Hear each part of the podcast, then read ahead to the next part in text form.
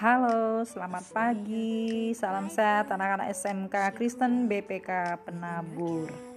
Kali ini kita akan belajar sejarah Indonesia bagian yang ketiga yaitu perkembangan penjajahan bangsa barat di Indonesia. Udah tahu kan?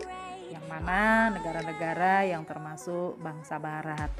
Nah, kali ini penjajahan bangsa-bangsa barat yang masuk ke Indonesia dari abad 15. Pertama kali dimulai oleh bangsa Portugis. Kedatangan Portugis pertama kali dipimpin oleh Alfonso de Albuquerque. Dia inilah yang berhasil menguasai Malaka pada bulan November 1511.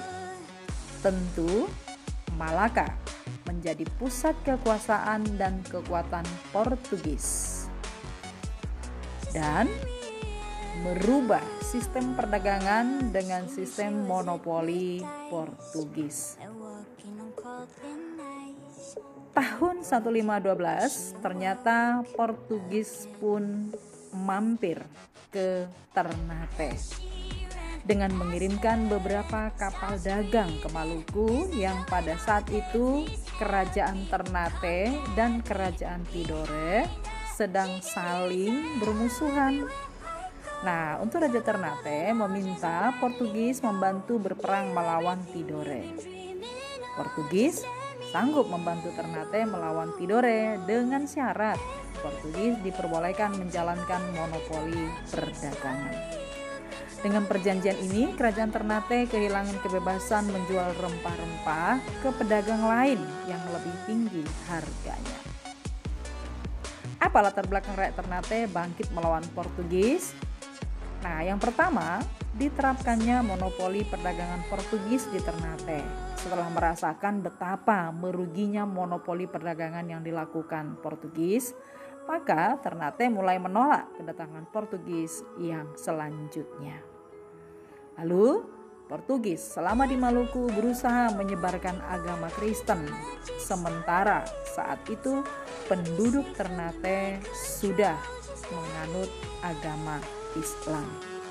Perilaku Portugis selama berada di Maluku dinilai tidak sopan adanya seruan Sultan Ternate agar rakyat Ternate bangkit untuk melawan Portugis. Berikut, pada tahun 1532, Portugis tiba di Sunda Kelapa. Masih Alfonso de Albuquerque. Dialah yang mengutus Henrik untuk menemui Raja Saiman Raja Sunda yang belum ditaklukkan Demak. Kedatangan Portugis tersebut disambut baik. Waktu itu Raja Saiman memerlukan dukungan untuk menghadapi kekuatan Demak yang ingin menguasai seluruh Jawa Barat. Portugis diizinkan membangun pangkalan dan kantor dagang di pelabuhan Sunda Kelapa. Berikut Portugis Nusa Tenggara. Dia juga hampir ke sana sama dengan sikapnya yang tamak, licik, kasar. Di Sumatera juga Portugis tidak bisa menandingi kekuatan-kekuatan kerajaan Aceh. Karena pengaruh kerajaan Demak yang ada di Jawa sangat begitu kuat. Portugis hanya dapat diterima di Pasuruan dan Belambangan. Akhirnya Portugis memutuskan mengalihkan kegiatannya ke daerah Nusa Tenggara. Pangkalan pusat yang mereka pilih adalah Timor Timur.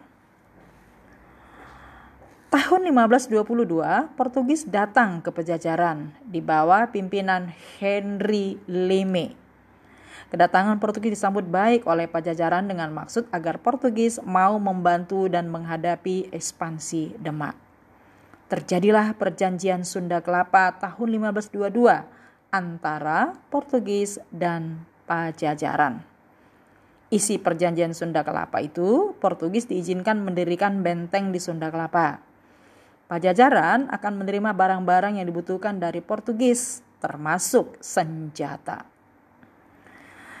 Tahun 1527, Portugis datang lagi ke Pajajaran untuk merealisasi perjanjian Sunda Kelapa. Namun, disambut dengan pertempuran oleh pasukan Demak di bawah pimpinan Fatahillah.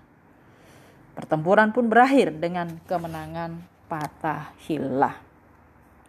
Nah, kebijakan pemerintahan kolonial Portugis adalah berusaha menanamkan kekuasaannya di Maluku menyebarkan agama Katolik terhadap wilayah yang dia kuasai, mengembangkan bahasa dan seni, keroncong ala Portugis, sistem monopoli perdagangan cengkeh dan pala di Ternate. Akibat diberlakukannya kebijakan ini, terganggu dan kacaunya jaringan perdagangan. Banyak orang beragama Katolik di daerah penduduk Portugis. Rakyat menjadi miskin bahkan menderita tumbuhlah rasa benci terhadap kekejaman Portugis. Muncul rasa persatuan dan kesatuan rakyat Maluku guna menentang Portugis. Bahasa Portugis turut memperkaya perbendaraan kata atau kosakata. Keluarga seperti Da Costa, Dias, De Freitas, Mendoza, Gonzalves, Da Silva, dan lain-lain sebagainya. Itulah pemerintahan Portugis yang masuk menguasai wilayah Indonesia. Kemudian yang berikut bangsa barat yang berikut adalah Spanyol. Spanyol adalah bangsa yang masuk ke Indonesia dengan melakukan ekspedisi di bawah pimpinan Sebastian del Cano. Melanjutkan usaha dari Magelhaen yang terbunuh dalam peperangan di Cebu, Filipina untuk menemukan daerah asal penghasil rempah-rempah. Tujuan utama kedatangan Spanyol adalah membeli rempah-rempah. Mereka datang melalui Filipina dan Kalimantan Utara menuju Tidore, Bacan, dan Jailolo. Tahun 1521, Spanyol akhirnya sampai di Maluku setelah melewati kepulauan Cagayan dan Mindanao. Apa sih alasan kedatangan Spanyol? Pertama, setelah memasuki pelabuhan Tidore atau Seram, Spanyol diterima dengan sangat ramah oleh Raja Tidore. Karena Raja Tidore mengharapkan Spanyol mau membantu mereka dalam peperangan melawan Ternate yang dibantu oleh Portugis. Terjadilah kerjasama yang erat antara Spanyol dan kerajaan Tidore sekalipun lebih menguntungkan pihak Spanyol. Latar belakang timbulnya persaingan antara Portugis dan Spanyol merupakan pelanggaran atas hak monopoli. Oleh karena itu, timbullah persaingan antara Portugis Spanyol yang merencanakan penyerbuan terhadap Spanyol. Hingga tahun 1529, Portugis bersama sekutunya berhasil mengalahkan Tidore dan Spanyol. Dari kedua kedatangan bangsa barat ini, maka kita akan mengenal adanya perjanjian Saragossa, yaitu perjanjian yang dilakukan pada tanggal 22 April 1529. Isinya, Maluku dikuasai Portugis dan Portugis tetap melakukan aktivitas perdagangan di Maluku. Sedangkan Filipina dikuasai Spanyol dan Spanyol harus meninggalkan Maluku dan memusatkan kegiatannya di Filipina.